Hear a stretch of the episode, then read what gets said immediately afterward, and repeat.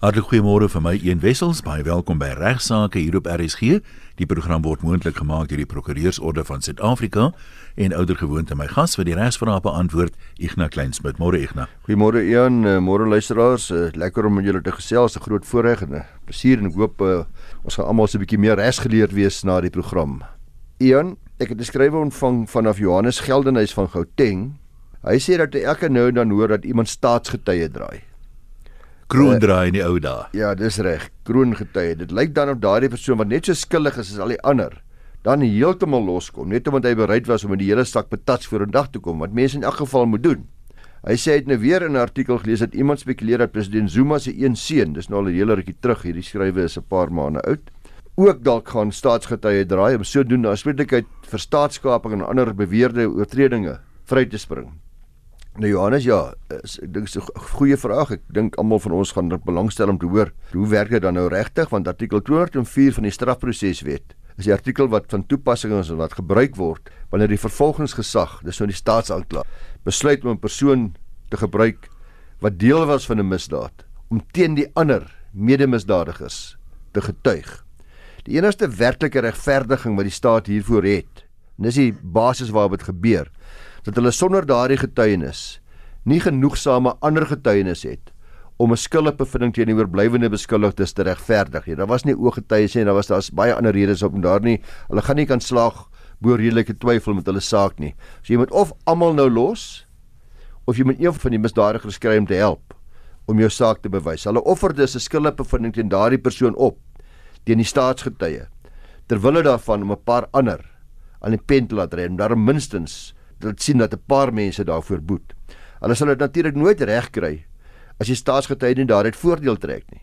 Ja. So hulle moet hom iets aanbied. En hierdie voordeel is dan die indemniteit of die kwytskelding teen verdere vervolging vir daardie besondere misdaad. Dis ook belangrik om uh daarop te let dat voordat so 'n staatsgetuie getuig, word hy deur die regter of die landros gewaarsku. Moet gewaarsku word. Dis 'n verpligting op die op die hof dat hy artikel 204 getuie is. Dat hy verplig is om alle vrae te beantwoord ten volle op 'n absolute 100% eerlike manier te beantwoord en volledige getuienis te gee, selfs al inkrimineer dit vir hom of haar. Dit beteken hy of sy met die volle omvang van sy of haar eie betrokkeheid nie probeer afmaak nie mm. of toesmeer nie en dit aan die hof openbaar en die hof ten volle in vertroue neem.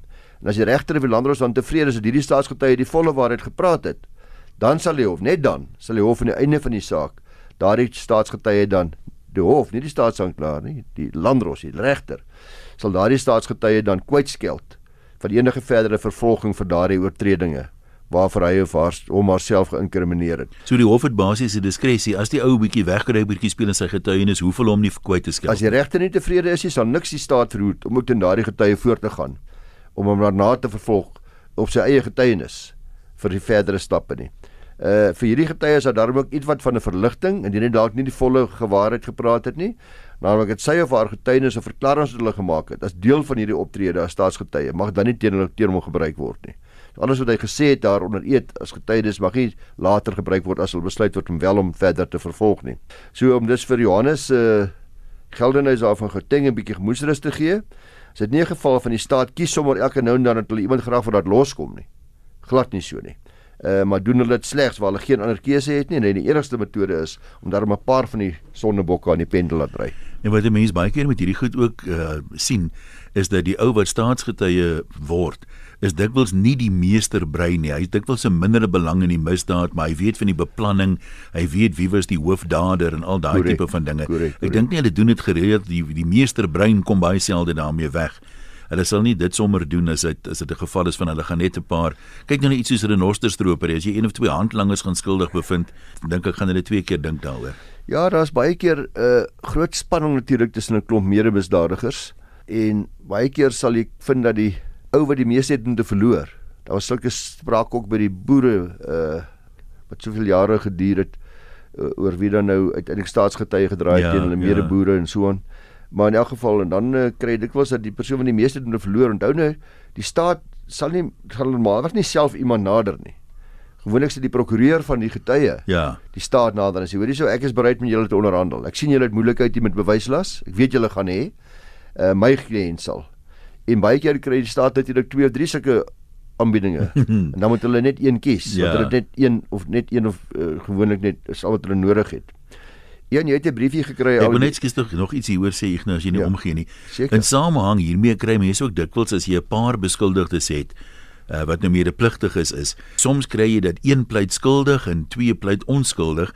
Dit gebeur ook in die praktyk dat die een ou skuldig bevind word, dat die verhore dan geskei word en dat hy dan na sy skuldig bevinding gebruik word as getuie. Ja, dit gebeur ook baie gereeld. Uh en is ook baie belangrik dat mense sal baie keer agterkom dat aanvanklik sal byvoorbeeld een prokureur vier of vyf beskuldigdes verteenwoordig. ja. Maar dan begin hulle storieetjies so klein bietjie wysig. Dan begin hulle so 'n bietjie deurmekaar praat. Raak moeilik om die ding te versoen dan. Hulle begin teenstrydighede verkondig en dan sê jy dikwels van daar's 'n botsing van belange tussen die getuies, tussen die kliënte en dan natuurlik moet 'n ander prokureur.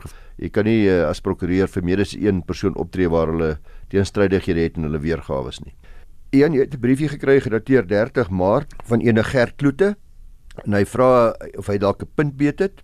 Hy sê ons het 'n grondwet wat oral oor ten hemele geprys word. Maar wat sê daai grondwet of ons gevestigde reg dan oor dubbele straf vir dieselfde oortreding?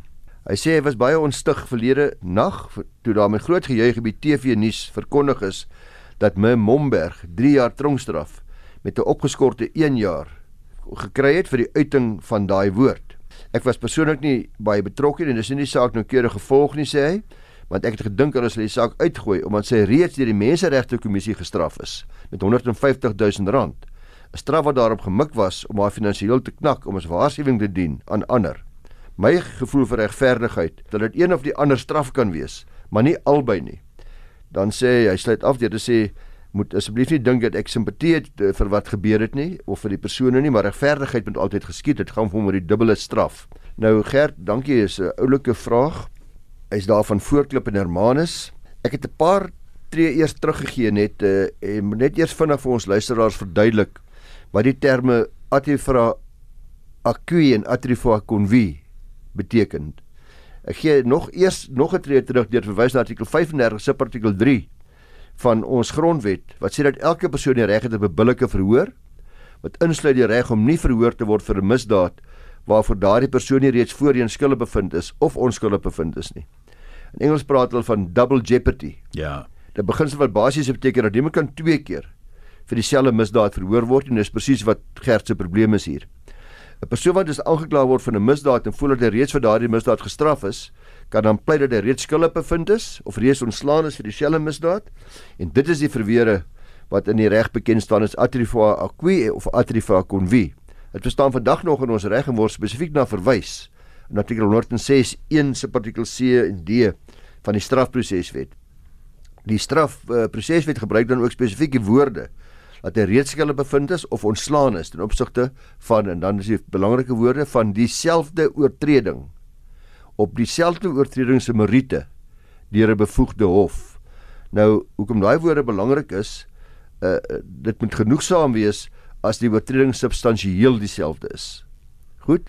Jy sal egter hierdie pleit kan opper as die feite nie heeltemal of min of meer so klein bietjie dieselfde is, maar nie heeltemal substansieel dieselfde is nie, dat maar dit nog steeds verskillende misdade is waarvoor jy aangekla word, dan sal daai verweer nie slaag nie. Dit is ook belangrik dat jou vorige ontslag of of, of skuldigbevinding op die meriete van die saak moet wees en nie 'n blote tegniese aspek nie. Ander wyse iemand het verkeerd om behoorlike getuienis te lê wat ek nogal die meriete moet jy moet jy moet jy losgekom het op. Uh of moet jy onskuldig gevind wees of skuldig bevind gewees het. Kom ons kyk dan na die Wiki Momberg saak, net om luisteraars se geheue te verfris, soos Gert ook sê. Sy was aangekla en skuldig bevind op vier klagtes van kriminele injuria omdat sy rassebeledigings aan 'n sekere meneer Clement Mkondo, 'n polisiebeampte toegesnou het. Sy is deur die hof tot 3 jaar gevangenisstraf gevonnis, 1 jaar is opgeskort. Maar hierdie selfde polisiebeampte het ook met hierdie hele saak gegaan in die Menseregte Kommissie toe. En sy het ook die Gelykheidshof genader en 'n aansoek gedoen vir 'n bevel wat verklaar dat Momberg se toevoegings haatspraak daarstel. So die Gelykheidshof het saamgestem en 'n bedrag van 150 000 rand aan skadevergoeding. Let wel, So dis nie 'n boet, boete nie. is 'n skadevergoedingsbedrag wat die Gelykheidshof toestaan aan meneer Mokondo en die vraag is nou of dit 'n tweede straf is soos wat Gert vermoed dit is uh vir dieselfde misdaad of sy dan nie kom pleit dat uh, artikel 106 van toepassing is nie.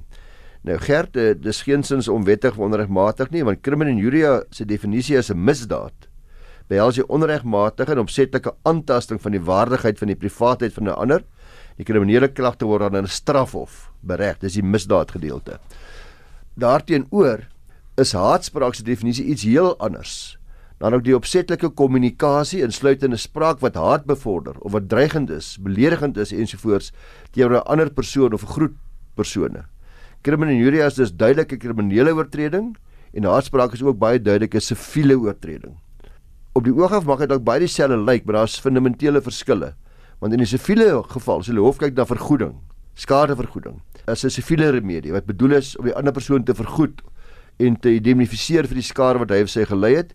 Kriminele sanksie daarteenoor is bedoel om die krimineel te straf vir 'n besondere misdaad. Die twee oorvleuel nie werklik nie. 'n Goeie voorbeeld wat ek kan gee is die motorbossing want dit is almal goed verstaan. Ek en A of A en B is al het albei aan onwettige motorresies deelgeneem. En beide word aangekla vir roekeloos nalatig bestuur. Albei word gefonnis tot 6 maande gevangenisstraf of gemeenskapsdiens of wat ook al. Mm -hmm. Kriminele klag, kriminele sanksie. Maar een bestuurder stel nou siviele eis teen die ander bestuurder in vir skadevergoeding, dieselfde botsing, dieselfde vir sy voertuig. En die hof bepaal dat die ander persoon se nalatigheid die skade veroorsaak het en hy moet 100 000 rand skadevergoeding betaal om daai voertuig te, te laat herstel. Dis duidelik dis dieselfde motorbotsing, dieselfde geleentheid, dieselfde ding wat gebeur het, dieselfde woorde wat geuiter is of in hierdie geval dieselfde voertuie, dieselfde plek, maar die twee uitsprake het voorgespruit uit twee uit uit een siviel regtelik en die ander strafregtelik alhoewel dit dieselfde selfeite is. En ek hoop dis vir Gert en die ander luisteraars nou ook baie duidelik watter omstandighede jy kan pleit dat jy reeds voorheen skuldig bevind is. Dit is 'n dis 'n baie goeie vraag van hom want ek dink jy baie mense so. sal sou noodwendig, jy weet, daaraan gedink het nie. So kom ons sê intelligente vraag her. Ja, nee, ek het ook nie daaraan gedink nie. Dit is ook weer vir my ook weer 'n lig laat opgaan. Luisteraars in die saak van KOS en ander versus die minister van binnelandse sake en ander is 'n saak wat uh, onlangs gerapporteer is aan die einde van 2017. Was die feite kortliks as volg: Die ses applikante bestaan uit drie paartjies wat al drie getroud is gevolg die wet op huwelike van 1961 en na die in huweliktreding het drie van die applikante dis die drie mans 'n uh, chirurgiese of mediese behandeling ondergaan om van geslag te verander.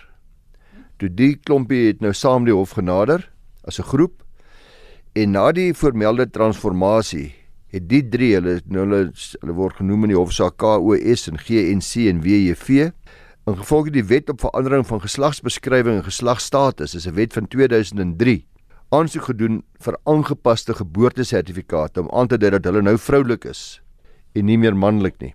Die gevalle van KOS en GNC, hulle twee se gevalle het die departement van binnelandse sake verteenwoordig deur die direkteur-generaal van binnelandse sake hierdie aansoeke afgekeur En die redes wat die direkteur-generaal verskaf het vir sy afkeuring is dat die departement se rekenaarstelsel nie voorsiening maak vir die verandering van 'n party se geslag nie, asook as dit is as gevolg van die feit jammer dat hulle getroud is in gevolge die behoorlike wet op huwelike van 1961 en daai wet maak nie voorsiening vir huwelike tussen partye van dieselfde geslag nie. Daai is wet spesifiek. Jy jy trou gevolge daai wet dan sit 'n uh, eh, manlike en vroulike huwelik. Die voorstel deur die regeer deur die teer-generaal was toe sy plan wat hy gemaak het voorgestel het. Uh onlangs was dit die applikante moet skei en dan weer in die huwelik tree, maar hierdie keer in gevolge die wet op siviele huwelike van 2006. Nou hierdie opsie was nie vir die applikante onvaarbaar nie en ook ek in geval nie moontlik nie omdat dit 'n vereiste is vir egskeiding dat huwelik onderstelbaar moes verbrokkel het en dit was nie hierdie geval nie, so hulle sou dis moes lieg onder eed om te maak dat die huwelike verbrokkel het terwyl dit nie die geval is nie, as hulle wou skei en weer hertrou. Dis verloop iets wat mense baie dikwels doen om hulle huweliks goedere bedeling te verander. Tot te gaan lieg onder eed en dan weer te trou en baie keer daarna sal een van die partye dan sê o, lekker uitgevang, gaan nie weer met jou trou nie. Maar uh, ek het al werklik het in my loopbaan gehad dat dit so gebeur het. Maar nou moet 'n mens daarom ook sê dat selfs die gelukkigste huwelike het momente waar dit vir jou tydelik voel dit het dalk onherstelbaar verbrokkel. ja, dit is so. In die aangeleentheid voor die Weskaapse Hof is toe beslis dat die departement en of die direkteur-generaal se weiering om die applikante se geslag te wysig ongrondwettig en onwettig was regter Bins uh, maak dit baie duidelik dat die direkteur-generaal nie voldoen het aan 'n verskeidenheid van pligte wat hy moes nakom nie. Hy het verder bevind dat die wet op huwelike geen persoon of party tot 'n huwelik verbied of te keer om 'n verslagverandering te ondergaan. Maak saak met watter wet jy getroud is, dit het niks te doen met geslagsverandering nie. En dan daarmee saam om 'n aangepaste geboortesertifikaat te bekom nie. Daar's niks in die gemelde wet wat die wysiging van dokumente verhoed nie. Die hof het dus die direkteur-generaal beveel om uh, die applikante binne 30 dae van gewysigde geboortesertifikate te voorsien en hulle aansoek het dus toegestaan met 'n kostebevel teen uh, die direkteur-generaal in die departement. Interessante saak. Baie interessante saak. Uh, dan het ons 'n briefie ontvang luisteraars van mevrou A die Jager. Sy het in Oktober 2010 1 miljoen rand geld geleen vir die seun van 'n vriendin. Ek gaan net 'n uh, briefie me opsom, maar eie prokureurs sou die kapitaal terugbetaal, sy prokureurs gaan sien het gereël dat die kapitaal terugbetaal sou word na 4 jaar en rente sou maandeliks aan haar betaal word volgens die ooreenkomste wat die prokureurs opgestel het. Na 2 jaar het die seun met die naam Pieter Gous volgens aan net die jager bloot opgehou om te betaal en hy daarna insolvent verklaar, gesekwestreer. Sy wil nou weet wat gedoen kan word om so sy dit sê ou dames, nee ou tannies, ou tannies nie gevang word nie en op hierdie manier groot verliese ly nie. Nou uh Anet, die antwoord is eintlik baie eenvoudig.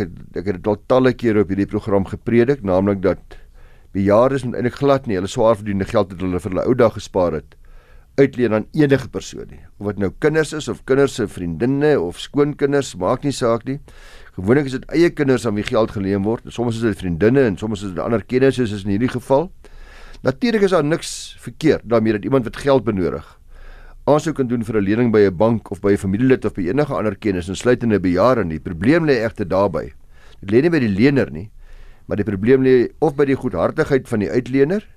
Die feit dat baie mense swaar kry om nee te kan sê, hulle kan nie nee sê nie. Maar dikwels is die probleem eintlik geleë by die gebrek aan 'n behoorlike eh, kredietwaardigheidsondersoek uh voordat mens geld uitleen. Aan die ander wat is jou sekuriteit as dinge skeefloop? Kan daai persoon terugbetaal? uh mense weet dat banke se besigheid is hoofsaaklik om geld voor te skiet. Hoekom gaan daai mense wat by jou kom leen? Hoekom gaan hulle dan nie na 'n bank toe nie? Dis wat hulle dis wat hulle kan doen. Uh maar kom liewer na jou toe. Die antwoord is eenvoudig vir Anet en al die luisteraars. Hulle kan nie by die bank slaag om 'n lening te kry nie omdat hulle nie deur die bank as kredietwaardig beskou word. Die bank is bang hulle kan nie sal nie kan terugbetaal nie. Hulle kan dit nie bekostig om terug te betaal nie. Want dit ook nie genoeg bates om as sekuriteit te dien vir die terugbetaling van daardie lening nie. So die bank, wie se besigheid dit is, wat dit goed kan doen en die risiko's oorweeg en uh, beskou daai lening as te riskant.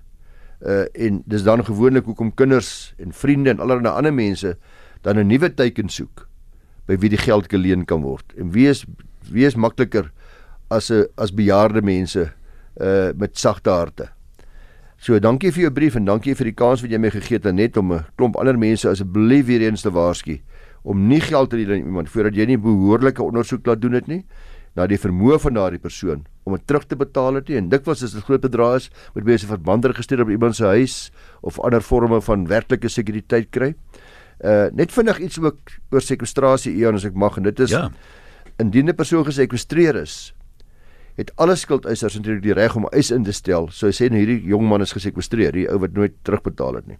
Almal kan 'n eis instel met die kurator van die insolvente boedel dan alle bates, insluitende kontant ensovoorts van die gesekwestreerde bymekaar maak en dit dan pro rata verdeel nadat daar sekere voorkeurskuldeisers en ander goed betaal is in 'n volgorde. Sekere uh, voorkeur volgorde moet dit betaal word.